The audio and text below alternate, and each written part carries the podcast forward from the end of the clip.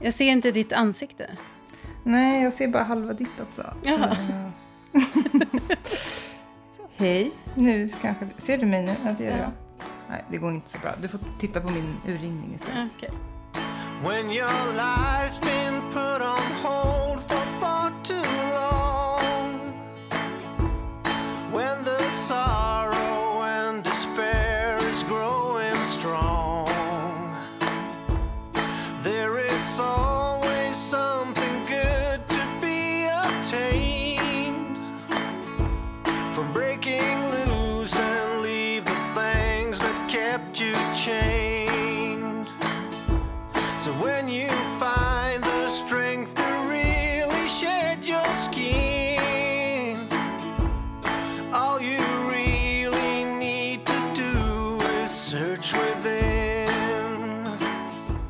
Faktiskt vår, vår första eh, manliga gäst. Ja, men det har du Eh, vi har ju rätt haft, i.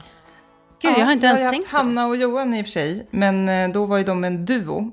Men eh, nu har vi en, eh, en man som är solo, sologäst för första gången. Dagens gäst, han har gjort en jäkla häftig resa, måste man ju säga. Från en eh, extremt framgångsrik karriär i bankvärlden med, ja, som det är i bankvärlden, det finns ganska mycket pengar där. Han hade ett högt uppsatt eh, jobb där och ja, men tjänade bra, fick bonus, men någonting skavde. Och han, eh, en, en vacker dag så sa han upp sig helt enkelt och startade en ideell, eh, en stiftelse för att jobba med utsatta barn och unga och inte tjäna några pengar alls. Det är en ganska häftig ju- vändning. Ja, det är ju liksom i princip så långt ut åt de båda extremerna som man kan komma, kan man Ja. väl säga. Och idag så gör han ju också någonting riktigt spännande. Han har eh, be- beslutat sig för två år sedan för att lägga ner sin stiftelse och sen startade han Sårbarhetsdepartementet. Bara det namnet väcker ju nyfikenhet. Ja, och det är ju kan man säga en, en samlingssajt eh, för både en blogg som han har och sen har han också olika kurser och eh, samtalsträffar. Det handlar liksom om att få folk att eh, dels helt enkelt lära sig om vad, vad känslor är och också liksom hur... Att hur kunna hantera ha- det. Ja, precis. På ett konstruktivt sätt så att det inte Ja. kommer ut i destruktiva beteendemönster. Det var Ja. superspännande ämnen och eh, vi, har ju, vi hade ett samtal med honom där vi pratar om det mesta som det innebär att vara människa kan man väl säga. Eh, och jag tycker han, han, har ju, han har verkligen tänkt på det här. Det var, det var väldigt intressant att prata med honom. Och särskilt om det här med mansnormer och, och, och att också som han säger att kvinnor också begränsas av vissa fasta föreställningar om hur man ska vara och reagera och sådär. Vi tar och eh, rullar igång intervjun helt enkelt, så får ni lyssna själva på vad Kalle har att säga. Det gör vi.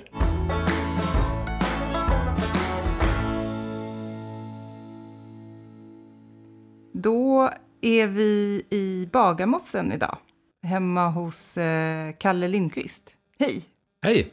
Vad kul att vi fick eh, träffa dig. Ja, detsamma. Ja. Eh, och ehm, du är också med, Katta, fast du är på distans. Jag är med. Ja, jag Ja. sitter i ett regnigt Särna och, Ja. eh, och deltar i fikastunden här via Ja. nätet. Ja, härligt. Ehm, och dig eh, ville vi gärna träffa för att, alltså Kalle då menar jag, inte dig Katta. Nej. Eh, för att du har gjort en ganska stor, eh, vad ska man säga, omstart nästan på ditt liv för några år sedan. Mm. Eh, vill du börja berätta lite, om, lite kort om vem du är och eh, också vad, vad du gör idag och vad du gjorde innan? Kanske? Ja, ja, absolut. Eh, jag eh, började min eh, yrkesmässiga karriär inom eh, bankvärlden.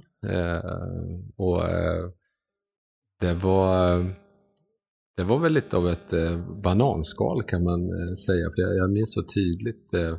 Jag, jag läste i Uppsala och hade i flera år sett fram emot att få göra praktik i Paris och allting var klart inför det. Och så skrev jag min eh, D-uppsats om eh, svenska och utländska banker och jag var bland annat på, på eh, en utländsk bank i Stockholm och så fick jag ett jobberbjudande så att jag ställdes inför så här jobbigt eh, beslut. Jag minns det så väl att så här, åh, men jag ska ju till Paris och jag har längtat efter det här, men åh, samtidigt ett riktigt jobb. Det, och jag, jag höll på en hel helg och, och ältade det beslutet och, och, och till slut så bestämde jag mig för att nej, jag, jag skippar den där praktiken. Jag, jag tar det här jobbet istället. Eh, och plötsligt var jag liksom inne i, i bankvärlden, eh, vilket jag egentligen inte riktigt hade tänkt. Eh, eh ganska snabbt så fick jag rätt mycket ansvar eh, där. Eh, och jag var kvar i två år fram till eh, 2001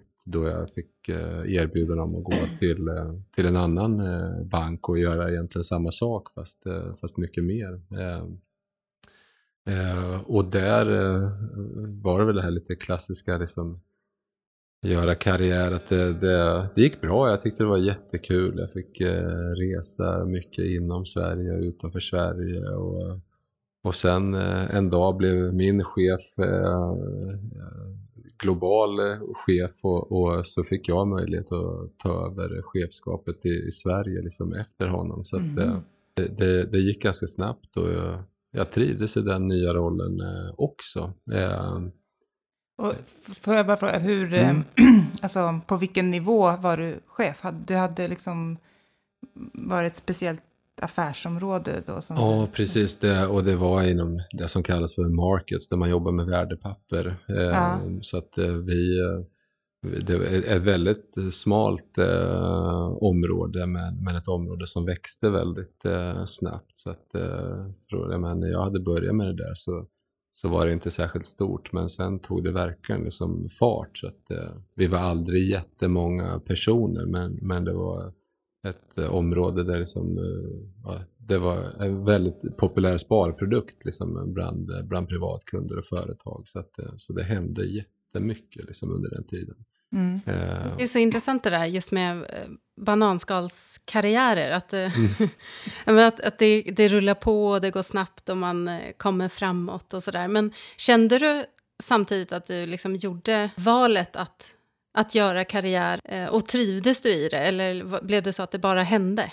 Ja, men det, det där är en bra fråga för att eh, lite, lite både och. Det som jag kan minnas jättetydligt eh, än idag är att jag kom in i en värld där eh, bonus var en del eh, utav incitamentsystemet eh, för, för oss anställda. Så jag, jag, jag minns så tydligt att liksom varje år då det liksom var dags för bonus så, så Eh, en del av mig som på något sätt accepterade den kultur som jag arbetade i tyckte att ja men det här är ju motiverat, jag har verkligen gjort ett bra jobb och, och sådär. Men det fanns också en del i mig som som i princip skämdes lite grann för, eh, för det här att liksom få en, en belöning utöver den vanliga liksom lönen. Det, det fanns, eh, ja, det, det, det dök liksom hela tiden upp lite sådär tankeställare inom mig att eh, varför gör jag det här liksom? Och då var det liksom att du kände dåligt samvete för att du var så inne i det här konsumtionstänkandet och att det är pengar som, eller hur på vilket sätt var det du kände det här dåliga samvetet? Det var nog eh, kanske inte kring konsumtion, för på något sätt så insåg jag redan från början att, eh, att det här var något eh, utöver det vanliga. Så att jag egentligen levde liksom efter liksom de, de pengar jag tjänade, utan försökte spara. För jag visste att jag, jag kommer, det, det kändes så tydligt att jag kommer inte vilja leva, eh, jag kommer inte vilja ha ett sånt här jobb liksom resten av mitt liv. Så på något sätt var det som att, nej men, det här för att liksom lägga det åt sidan och, så få använda det senare. Det var mer, mer någon form av sådär rättvisetänk att eh, ja, men vi, det är inte bara för att vi jobbar med liksom produktutvecklingen och, och sådär så det, det ska inte bara vara, vara vi som eh, det här kommer till godo. Eh, så det där växte, växte lite år för år då, den känslan eller? Ja, det, det måste jag säga. Att det, och det kanske växte på så sätt mer att det, bara, det blev en, en årlig eh, påminnelse. Sen eh, när jag hade varit chef för några år så, så fick jag en, en löneförmån i form av en eh, coach och vi kom att prata om eh, jättemycket saker. Det var väl tanken att utveckla mitt ledarskap men, men till slut blev det nästan en avveckling av mitt ledarskap. Eh, Och inte vad de hade tänkt kanske. Nej. Eh, Nej, kanske inte. Eh, Men, men, men det, var, det var så otroligt skönt att prata om vad det var som jag värderade och vad jag, vad jag fick för någonting på min arbetsplats. Och, och då blev det ganska tydligt för mig att, att det jag värdesatte det, det var ju inte pengar och, och hög lön och chefsposition och sådär. Eh, efter ett tag, vi, höll, vi, hade ju, vi träffades väl under ett och ett halvt års tid så eh, till slut minns jag att hon sa så här, men Kalle du är som en åsna som ska välja mellan höger och vänster hötapp. Så här, du måste välja nu, det kommer att bli bra vad du än väljer men du måste välja. Och, eh, och till slut blev det liksom jättetydligt för mig att jag vill inte vara kvar här, det är inte här som som jag vill eh, jobba. Det är inte här som jag vill eh, lägga min eh, energi och, och kunskap. Men det var, det var verkligen ett ältande fram och tillbaka för jag upplevde att jag hade det som jag fick för mig att många strävar efter. En hög lön och, och liksom, mycket frihet och liksom möjlighet att utvecklas och, och, och sådär.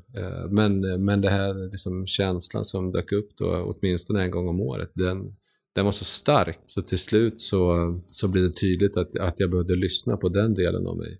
Men, eh, ja, för nu, du var ju lite inne på det nu, att liksom det du såg som, alltså det som fick dig att tveka ändå var att det fanns fördelar med, men var det bara den, den yttre bilden av de här fördelarna som fick dig att stanna kvar? Liksom? Eller fanns det också delar som du verkligen trivdes med i jobbet?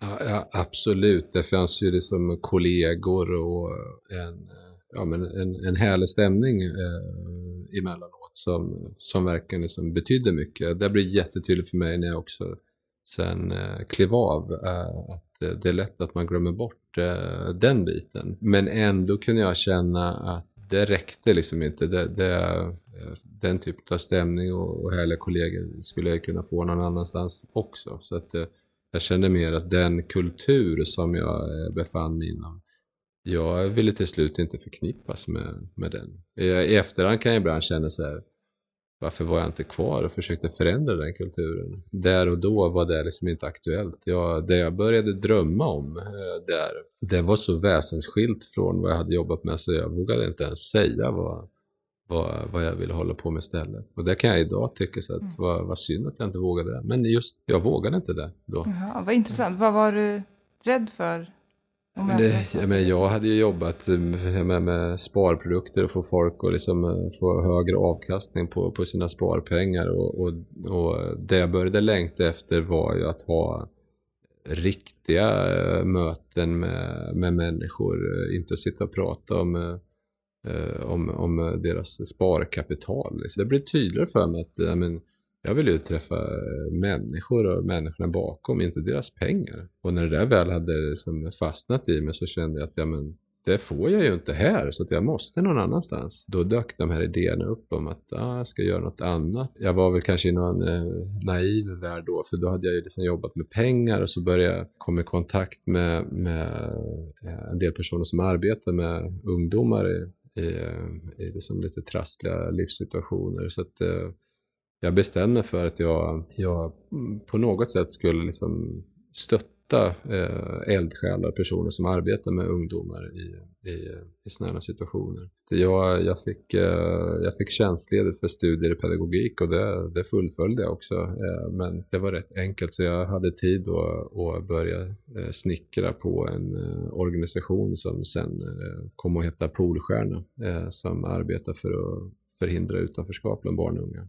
Första steget där var just att den eh, ordna finansiering till eh, små lokala projekt där eh, ungdomar då, deltar. Det, det kändes helt rätt i, i början för jag såg att pengarna kunde verkligen göra nytta om man hade ett, ett sätt där pengarna också nådde fram och inte liksom försvann i några administrativa projekt och sådär. Så vi, vi jobbade med det som kallas för crowdfunding, så att vi samlade in pengar direkt över nätet och slussade dem till, till lokala projekt. Då. Så, så det, var, det var det jag kommer göra. Som du gjorde då i lönndom. I- Ja, i början var det precis det och sen, eh, sen kunde jag liksom äh, äntligen liksom eh, rulla ut det liksom på, på, på riktigt. Då. Mm. Eh, Och vad blev reaktionerna då? då? Eh, ja, men, dina gamla kollegor? Och... Ja, eh, ja, men det var, till att börja var, handlade reaktionerna mycket om att jag sa upp mig från, från en, en sån chefsposition att eh, oj vad, vad modig du är. Jag minns att först gillade jag lite det när de sa att jag var modig men efter ett tag så var det sådär Ja, men det här handlar liksom inte om, om, om mod kände jag och sen insåg jag att nej, det här handlar om att jag var ärlig mot mig själv. Jag var ärlig mot mig själv för liksom första gången. Jag, jag ville inte vara kvar där. Jag, jag ville göra någonting annat, någonting som verkligen låg i linje med mina värderingar. Jag tycker det är intressant det där, för jag har själv gjort olika karriärsresor och sådär. Och att man kan ändå gå ganska länge utan att vara kopplad till sina värderingar och jobba med saker och det spinner på och man tar nya steg och sådär. Vad tror du att, att det beror på? Att det ändå, det kanske är ganska många som kör på så, frikopplat från den egna värdegrunden. Mm. Ja, och, jag minns ju att den vision och liksom värdegrund som, eh, som banken hade, jag, jag gillade de eh, begreppen men det jag såg var ju att det, det, det, liksom, det följdes ju inte i, i praktiken. Så jag tror att anledningen att, att många är kvar är att det är, det är sån trygghet att vara i det man är i oavsett liksom, eh, om man gillar det eller inte, då, då vet man liksom vad, vad man har. I alla fall i mitt fall så, så liksom, innan jag väl bröt upp så, så är det lätt att jag i mitt inre målar upp massor med orosmoln för hur det skulle vara att eh, bryta sig loss och sådär. Att, men gud, man säger ju inte upp sig liksom och kan inte bara kasta sig ut i det fria. Vad händer då? Så här, ma- bara så massor med rädsla och oro och sådär. Så att jag, jag har full förståelse för att många människor går jättelänge och kanske hela sitt liv trots att de egentligen liksom inte tycker att företagets eller organisationens eh, värderingar lirar med, med, med det man själv tycker. Det kanske är två delar. Dels att det finns en bekvämlighet som du säger och, sen så får man väl lite kickar längs vägen också. Ja, bekräftelse eller utveckling och som du säger där, man säger ju inte bara upp sig från ett jobb, att det finns normer som styr också, som kanske gör att man inte riktigt tycker att det är ett alternativ. Att, att följa den där inre rösten.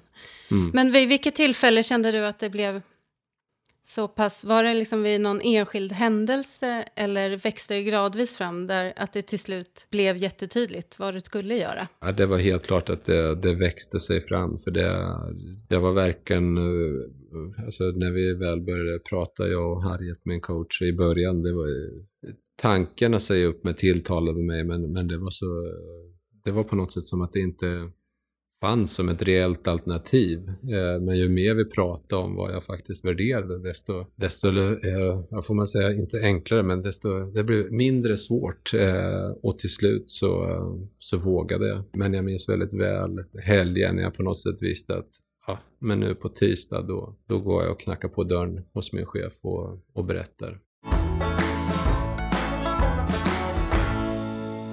Framförallt min mamma och min fru eh, uttryckte mycket oro och, och, rädsla för det. Och det, det irriterade mig jättemycket eh, just där och då. Men jag kan i efterhand se att eh, det fanns någonting väldigt bra med att de eh, bromsade mig lite grann. För att, eh, att ta ett beslut och säga upp sig, i synnerhet när man har familj, då eh, jag, jag förstod att eh, man behöver ta hänsyn till att eh, det, är, det är en omställning för alla i ens närhet också.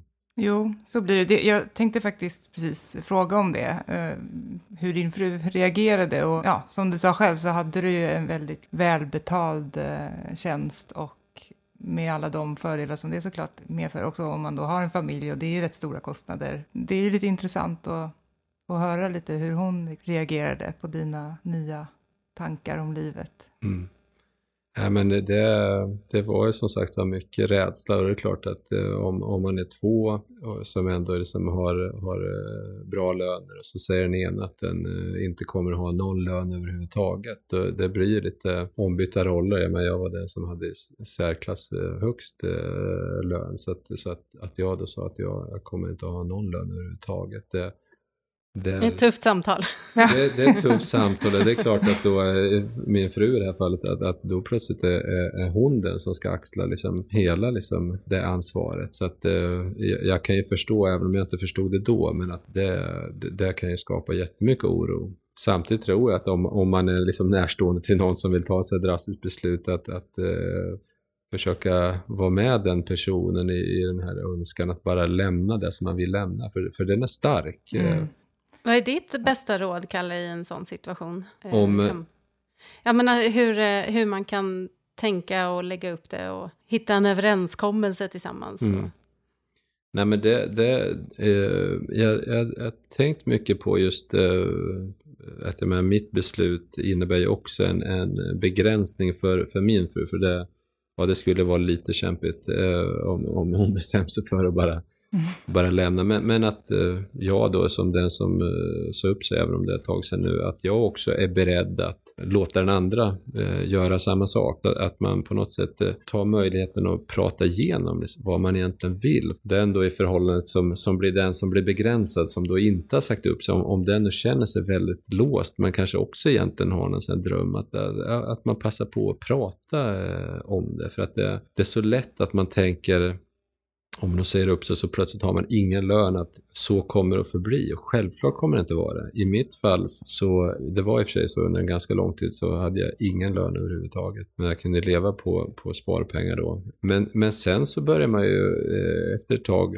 se eh, jobb och, och, och möjligheter som man inte hade tänkt på tidigare. Den här katastrofen som man kanske liksom lätt eh, målar upp där det är bara en som har lön. Jag tror att i alla fall om man har någon utbildning i botten och även om man inte har det, det, fin det finns ju jobb. Det är bara att man av någon anledning så enligt normen ska man bara titta på en viss typ av jobb. Men jag menar, om, om man kan slita sig loss från den här oerhört liksom, eh, jobbiga normen, jag menar, då finns det väldigt mycket jobb. Och det är otroligt befriande. Så att kan man ha den typen av samtal liksom, med, med sin partner, att eh, en av oss kanske får ta något jobb som vi inte egentligen vill ha, men under en tid sådär. Eh, och man tittar igenom liksom, vad, vad är egentligen våra kostnader och vill vi att det ska vara så här? För menar, det, det är ett utmärkt tillfälle att, att se över hur mycket man egentligen är uppbunden utav hus och bil och båt och vad man nu har för några grejer. För det räcker med ett hus för att vara väldigt uppbunden. Mm. Ja.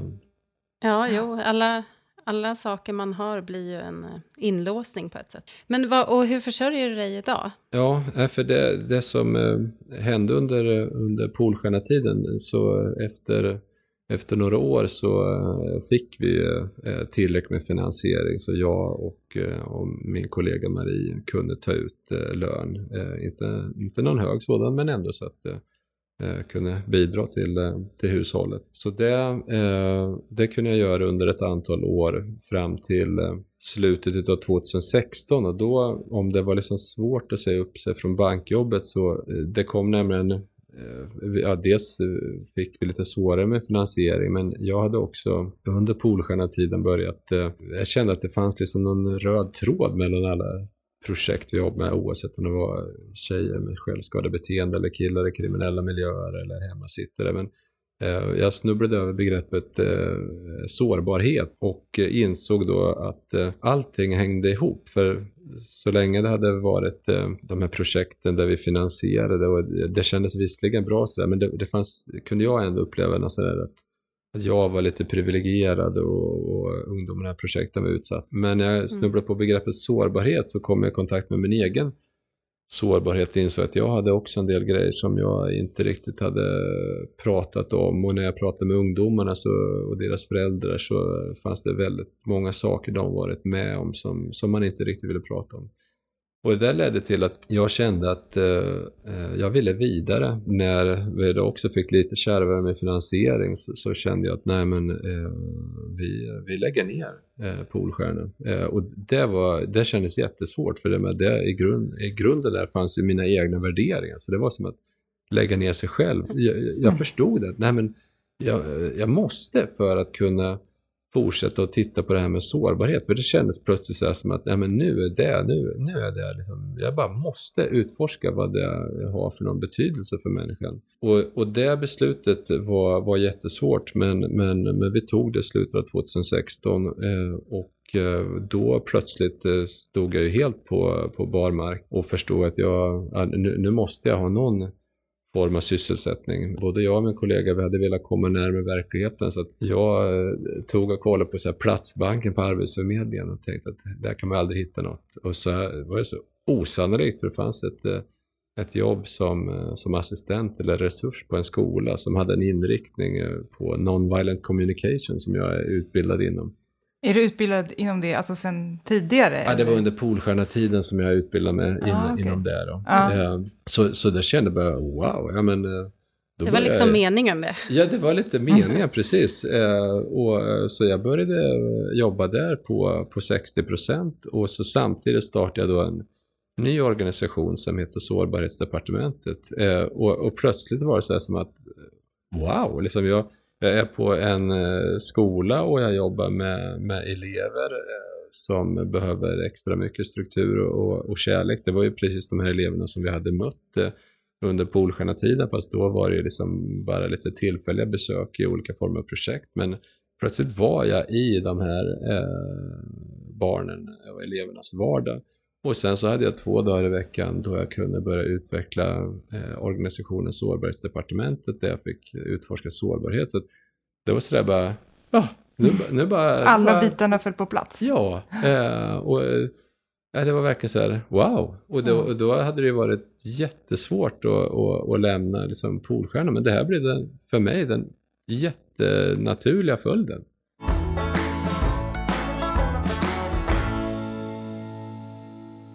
Berätta lite om just eh, sårbarhet och, och vad, det är, vad det är du har landat i där. får ibland lite så här eh, förnimmelser och jag, jag minns att, eh, att vi skrev på en sån här lite broschyr för Polstjärna, både jag och min kollega Marie, om ja, våra bakgrunder och sådär. Jag kommer ihåg att jag skrev att ja, men jag har haft en kärleksfull uppväxt eller något i den stilen. Och, och då minns jag så här att det, liksom, det var något som skavde i mig där. Eh, och det, det är inte så att jag känner att jag haft någon eh, dålig eh, uppväxt, men min, eh, min pappa är, är bipolär och det var någonting som vi inte hade pratat om, eh, definitivt inte jag, utanför familjen. När jag började komma i kontakt med begreppet eh, sårbarhet så blev det tydligt för mig att när jag hade träffat ungdomar i projekten och sådär och de berättade om jättejobbiga händelser och saker som hänt under deras uppväxt. Ja, jag hade egentligen också någonting, men jag hade inte pratat om det. Och, och det här band oss samman oavsett liksom vad, vad det var för några ungdomar, och oavsett vad de hade varit med om, så, så blev det så här.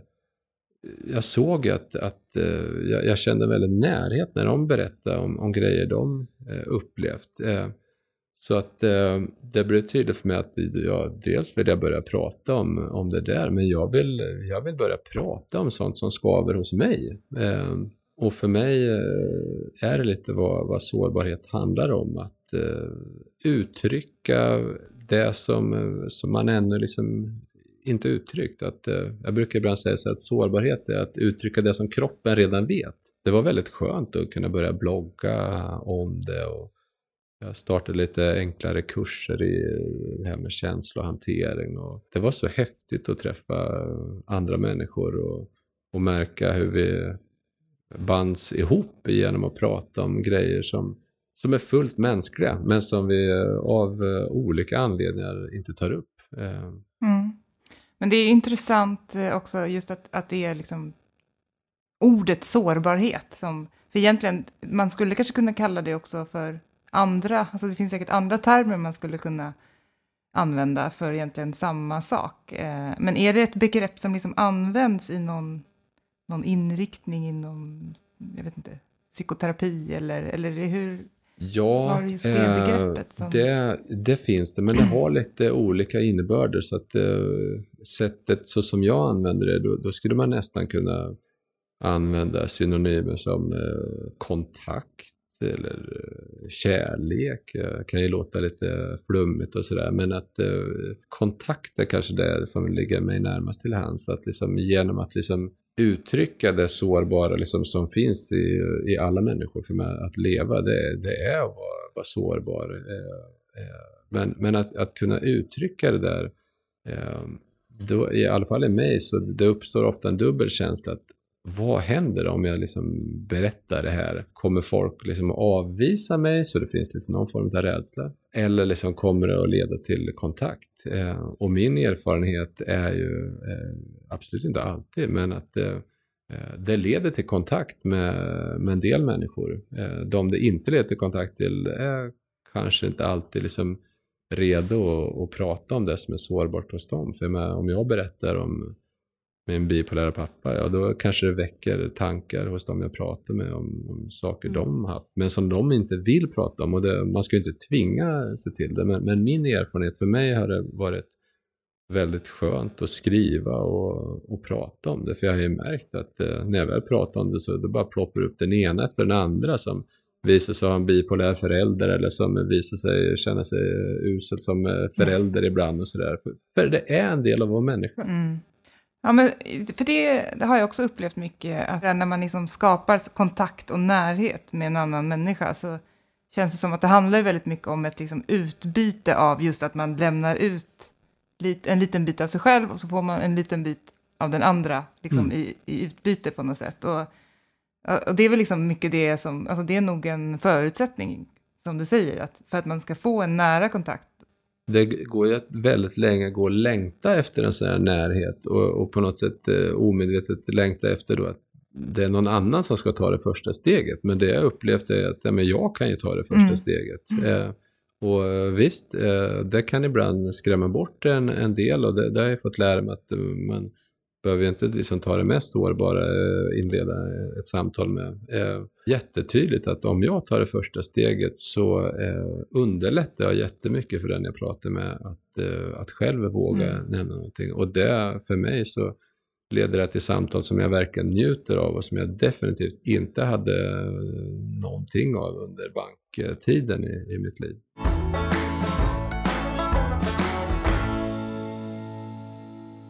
Sårbarhetsdepartementet är alltså, du har en eh, blogg som eh, både jag och Katta har också varit inne och läst på en hel del nu inför den här intervjun. Det, det jag måste säga att du skriver verkligen jättebra om alltså, de här olika temana som du tar upp om relationer och eh, ja, allt vad det är, liksom, föräldraskap och dödsångest. Och, eh, men sen är det också de här kurserna och samtal har du också.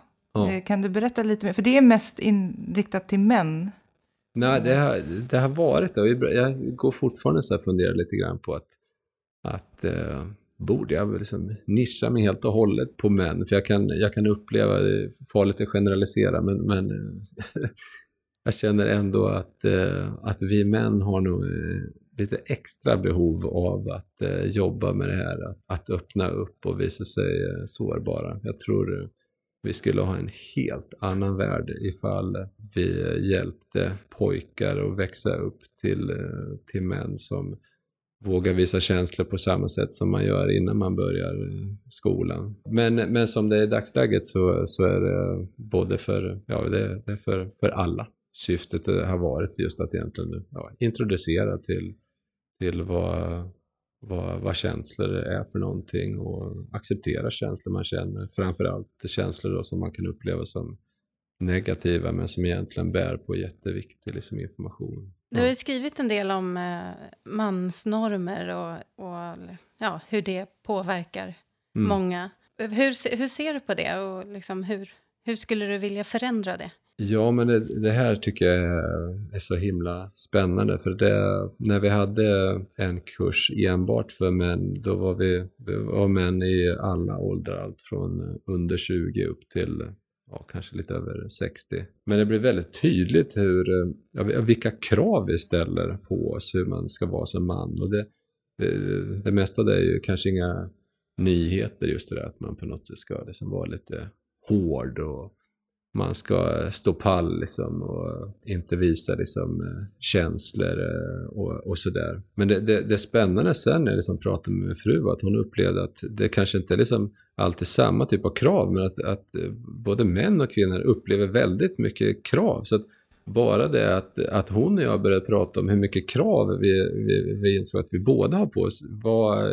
ett sätt för oss att liksom Eh, få en extra liksom, eh, kontakt. Så att, eh, jag tror det är väldigt befriande att, att sitta ner och prata om liksom, vilka, vilka krav vi, vi har på oss. Och det tror jag att det, det, det behöver män göra jättemycket för att kunna frigöra sig från, från det så att vi inte liksom bara fortsätter bete oss på, på ett sätt som sen kommer göra att våra barn eh, fortsätter i samma anda. Vilka begränsningar skulle du säga är mest tydliga i den här man ska säga, klassiska mansnormen respektive kvinnonormen? Jag tycker eh, det, det som intresserar mig eh, mest just nu det är ju lite det här att, att visa eh, känslor. Det blir så otroligt tydligt i, i skolans värld hur det, hur det händer någonting. Alltså förskoleklass och liksom ett och kanske två och tre där man visar en del känslor. Men hur det liksom sen nästan är som det liksom stängs av. Det kommer ju till liksom andra uttryck, men, men det för, för, killar, jag tror det, det är jätteskadligt eh, att det plötsligt blir så att man inte ska kunna gråta exempelvis. Och det är, inte så att jag menar att man måste liksom gråta, men, men att kunna på något sätt liksom uttrycka liksom sorg, det, det är jätteskadligt för, för män. Det är självklart är det för, för, för alla, men att som samhället ser ut idag där liksom män på så många maktpositioner så är det, liksom, det är skadligt för, för samhället där man inte, där man inte kan liksom, uh, få uttrycka det. Istället kommer det till massor med absurda beteenden istället. Det är verkligen någonting som jag vill jobba med att uh, öppna upp, att män kan ta in den biten. Eh, du har ju barn själv. Två söner, Två och, en söner dotter. och en dotter. Mm. Ja. Hur eh, jobbar du mycket med det liksom, i familjen också? Eller? Är, I familjen jag, jag gör alla mina misslyckanden kan man säga. Det brukar vara så.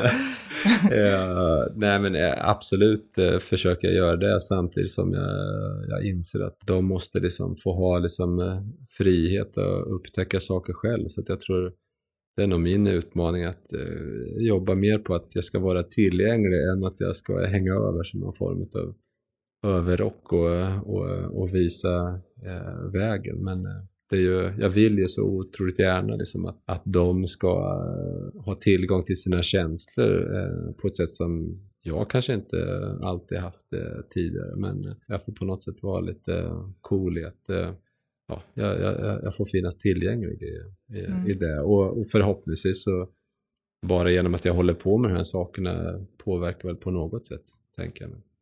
Ja, men vad skulle hända om jag bara minns det där med Åsa Romson och Stefan Löfven, hon grät. Och det var väl en del, en del som tyckte det var positivt, men hon fick mycket smuts för det. Men det som mm.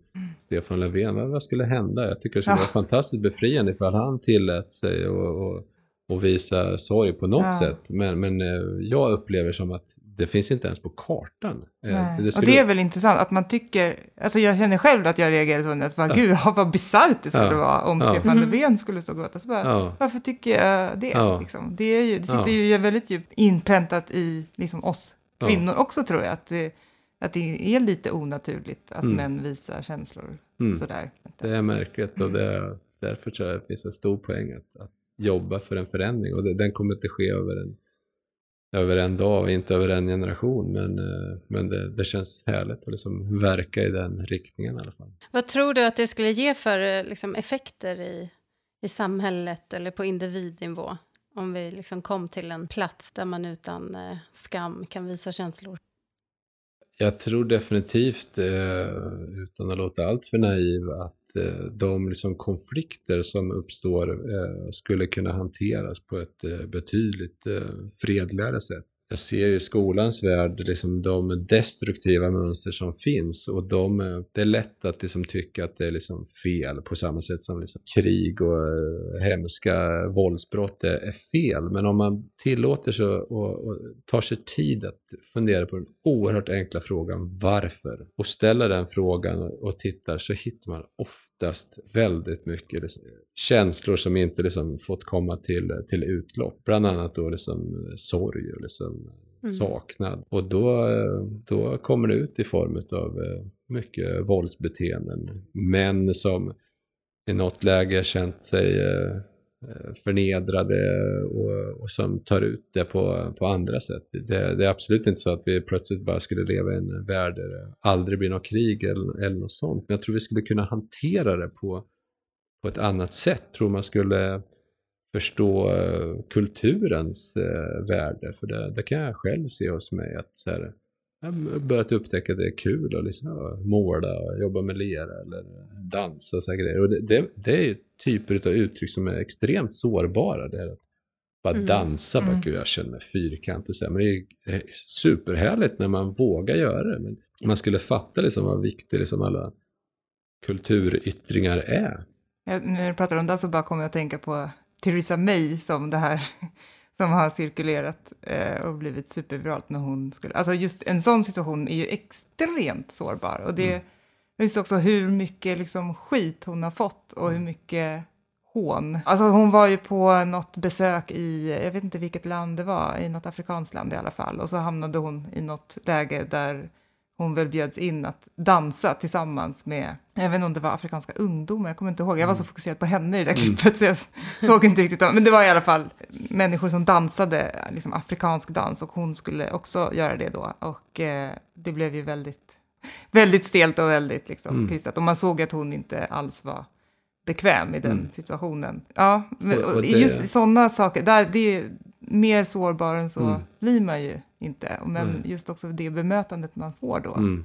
Är ju liksom, det är ju Mm. inte Det är konstigt att människor inte vågar. Ja, det, nej, men det, och det, det är livsfarligt verkligen att, eh, att det där har en tendens att få jättemånga att undvika liknande Mm. situationer. Det, det ser man i skolan med elever som inte vågar rita för de tror att det ska bli fult samtidigt som just det här att det som verkligen är unikt med liksom varje människa är ju eh, personens uttryck. Liksom, och om man inte vågar liksom, rita eller dansa eller prata, med, det är ju att inte våga vara sig själv, att inte våga visa sitt personliga uttryck. Så att, eh, det, det är hemskt när, när det uppstår situationer där någon bara förnedras. Det, Ja, trots att man är otroligt modig. Ja. För det är man ju exakt. verkligen om man Ja. gör en sån grej. Liksom. Ja. Eller om Stefan Löfven skulle ställa sig och gråta i någon Ja. talarstol någonstans. Det, Ja, nej, men Liksom. det är nästan så att man bara kan känna så här, nu när du pratar om det, att ja, men, man, man, jag kan känna, ja men det kommer inte hända, det kan inte hända. Så, men, men varför inte? Varför ska vi acceptera skittråkiga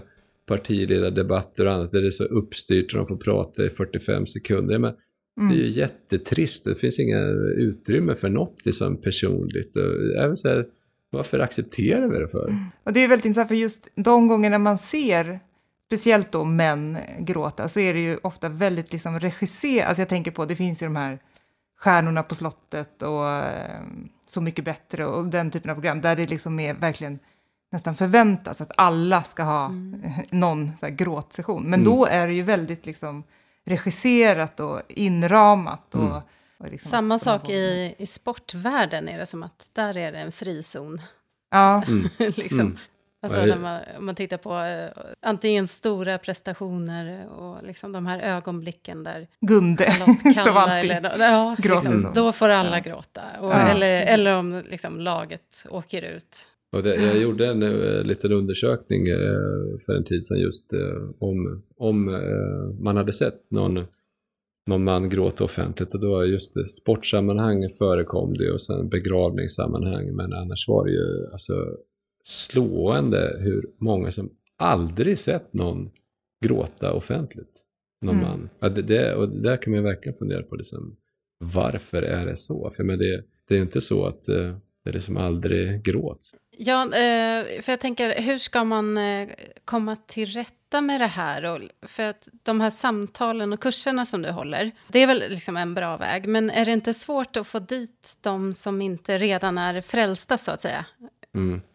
Eh, nej, men det, det där jag tänkt på, för det vore ju superspännande att få jobba med män som eh, omedvetet hanterar sin sårbarhet genom olika destruktiva beteenden. Och det är klart att eh, det är inte de som eh, står och knackar på, på dörren till, eh, till kurserna. Men, men jag tänker ändå att, för jag ser ju att, att, att de som kommer, att det gör ju nytta hos dem och jag tror man får på något sätt acceptera att eh, det här är en förändring som, som sker eh, långsamt. Förhoppningsvis så, så går det väl fortare och fortare ju fler som kan eh, komma i kontakt med sin egen eh, sårbarhet. För varje, varje man som får en ny syn på sin sårbarhet, ja, desto, desto lättare blir det ju att på något sätt få, få andra att, eh, att göra det. Och vad är det du erbjuder idag? Vad kan man hitta hos dig? Ja, men dels, eh, dels är det liksom en, en introduktion till, till känslor och få en förståelse för vad, vad känslor är och, och vilka budskap de bär på. Superkortfattat kan man väl säga att, att man får förståelse för att eh, även de eh, lite olyckligt kallade negativa känslorna bär på eh, väldigt värdefull information. Att eh, det är inte fel att vara arg, det är inte fel att känna skam, det är inte fel att, eh, att vara sorgsen eller vara, vara rädd. Det blir väldigt lätt att man försöker undvika de eh, känslorna men, men efter att ha gått en kurs så förstår man att det finns ett väldigt viktigt budskap i de känslorna så att eh, annars är det lätt att få uppfattningen att man jämt ska vara glad och eh, intresserad av, av allting men eh, då missar man väldigt eh, värdefull information. Du, nu kanske du inte liksom vet helt heller vad de har för bakgrund och så, de som kommer hit. För du, du sa ju förut att det inte är de kanske som bäst skulle behöva det som, som knackar på dörren. Liksom. Får du känslan av att det finns några bland de som kommer hit som faktiskt har kanske problem med att de är våldsamma eller, alltså, eller känns det som att alla är liksom på Eh, ja, men det kanske är så att de som kommer är de som verkligen behöver det. Det vet jag ju egentligen eh, inte. Eh, det är lätt att man får en bild av att man ska plocka upp de som är våldsamma ute i samhället och så sitter de och, och är lite halvvåldsamma på kurserna och sen så kommer de ut därifrån och är inte våldsamma mer. Så, så enkelt eh, är det ju inte. Även här tror jag, jag tror inte vi ska eh, värdera olika män utan att eh, jag behöver det här precis lika mycket som eh, den unga mannen som eh, skjuter eh, någon eh, annan eh, ung man i någon liksom, knarkuppgörelse. Vi har lika stort behov av det här båda, båda två. Om, om jag kan få män som, som lyssnar på det här att, att känna att det här är lika aktuellt för, för mig som, det, det är inte liksom någon svaghet att vilja gå på en sån här kurs, tvärtom. Mm. Nej, absolut. Nej, det, i den bästa världen skulle man ju önska att kanske alla som har lite problem med att liksom våga bejaka sina känslor gjorde det innan de började ta till andra destruktiva uttryck, såklart. Mm. Mm. Men jag antar att det är väl precis det då som du vill försöka förändra.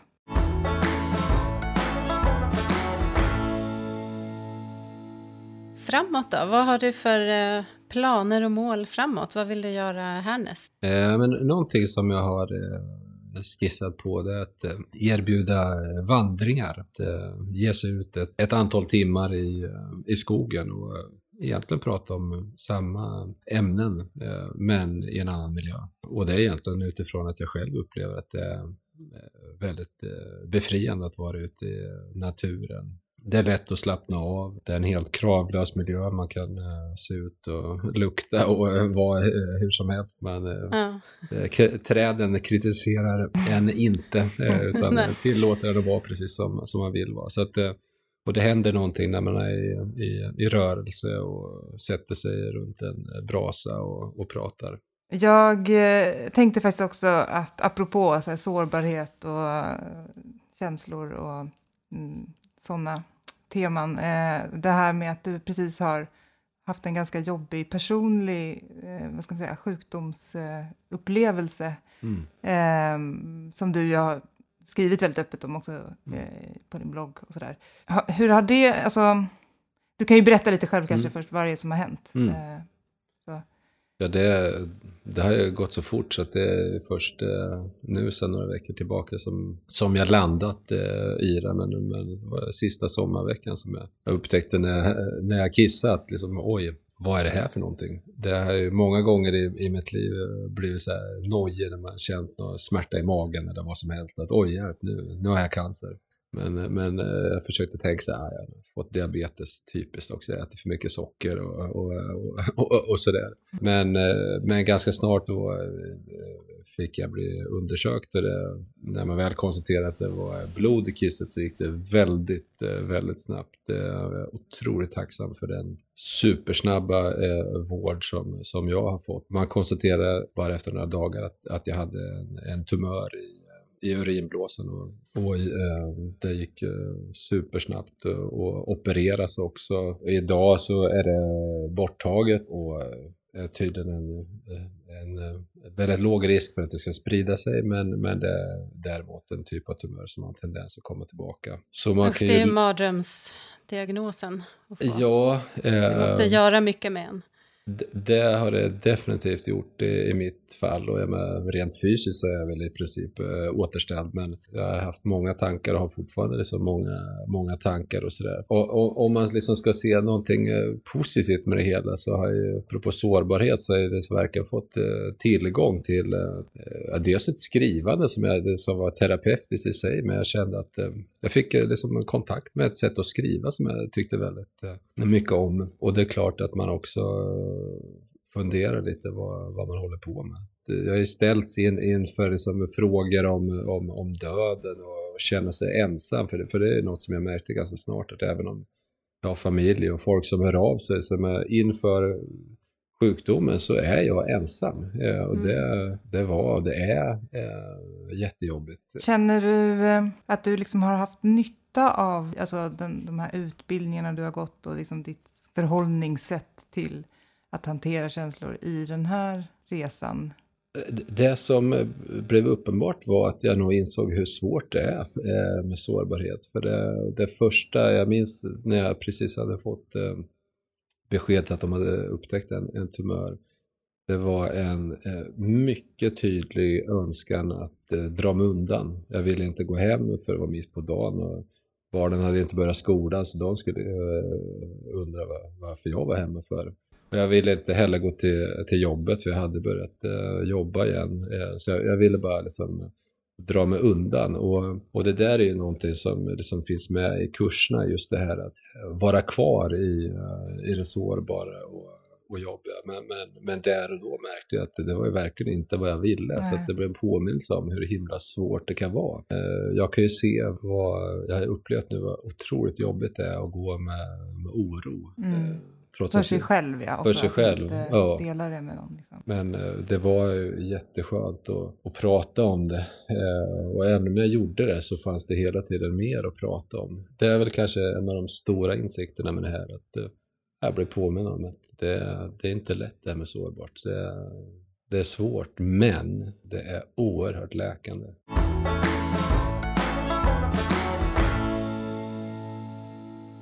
Ja, då kanske vi börjar bli färdiga för att runda av lite. Eh, Ja. Jag tänker Kalle, om, eh, om det är någon som eh, kanske känner det där skavet som du gjorde, men som också känner den där starka normen. Vad är ditt bästa råd för att ta sig till nästa steg, så att säga?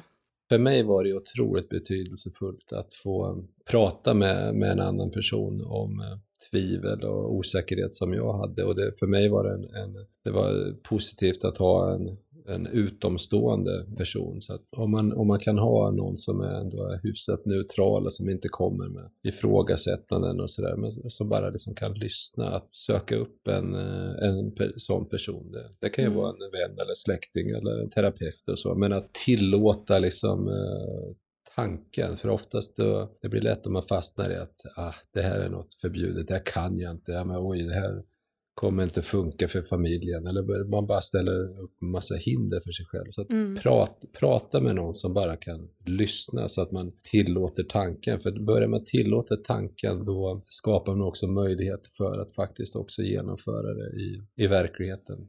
Och eh, att ta det där på allvar, det där skavet som finns, det har verkligen ett, ett budskap, ett jätteviktigt budskap. Ja, det Mm. tror jag är viktigt att Mm. poängtera faktiskt. Det finns där av en anledning.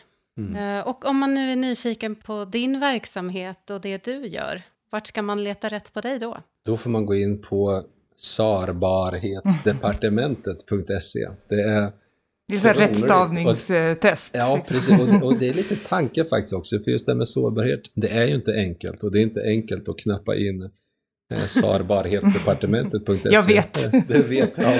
Eh, Så att, eh, det är bara att gå in där, så där finns det kontaktuppgifter och också en möjlighet att läsa om eh, mina egna upplevelser.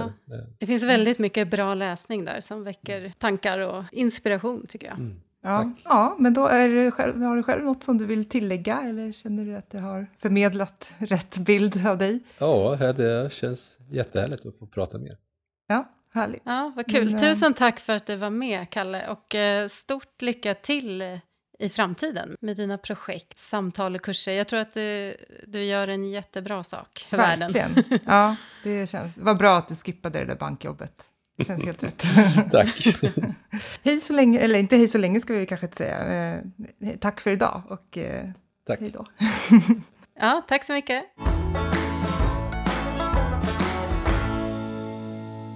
Ja, det var Kalle. Undrar om man kommer gå och analysera sin omgivning nu utifrån mycket av det han säger. Jag kommer, jag kommer gå och tänka Ja. på sårbarhet hela tiden. ja Det är verkligen. väldigt eh, fascinerande faktiskt. Ja.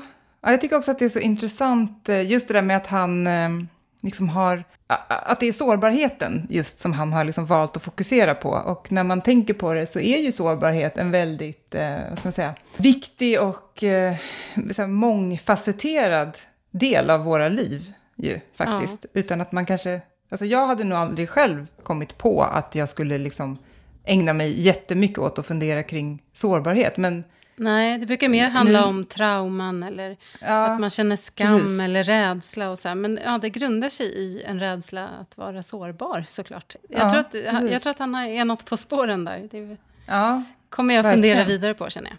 Ja, jag också har fått en massa nya tankar i huvudet. Ja. Och eh, vi nämnde ju det i intervjun, men vi kan repetera det igen då. Att vill man eh, läsa mer om vad, vad Kalle dels har att, att berätta och eh, resonera kring, men också då titta på hans kurser och samtalsgrupper, så kan man gå in Kanske på... till och med inte bara titta på dem utan vara med i dem. Ja, då kan man gå in på sarbarhetsdepartementet.se. Precis, det kan man göra. Och eh, ja, han delar med sig av väldigt mycket liksom, personliga reflektioner och sårbarhet, helt enkelt. Precis. Ja, och så ska vi också i vanlig ordning credda Sven Karlsson och eh, Epidemic Sound för eh, vår härliga poddmusik. Den, den älskar vi. Eh, ja, men då säger vi väl så till, eh, till nästa gång då. Ja, då hörs vi igen om två veckor. Hoppas att ni har haft eh, god nytta av det här samtalet. Det vore jättekul att höra om, eh, om det har växt tankar och reflektioner hos er. Man kan mejla oss på hej bortomekorrhjulet.se eller gå in på Instagram eller Facebook till exempel och skriva någonting. Mm. Bortom ekorrhjulet heter vi där. Det vore jättekul att höra ifrån er. Ja, och som alltid, sprid gärna ordet om eh, podden om Ja. ni gillar den. Då blir vi superlyckliga. Ha det så bra, vi hörs! Ha det bra, hej då!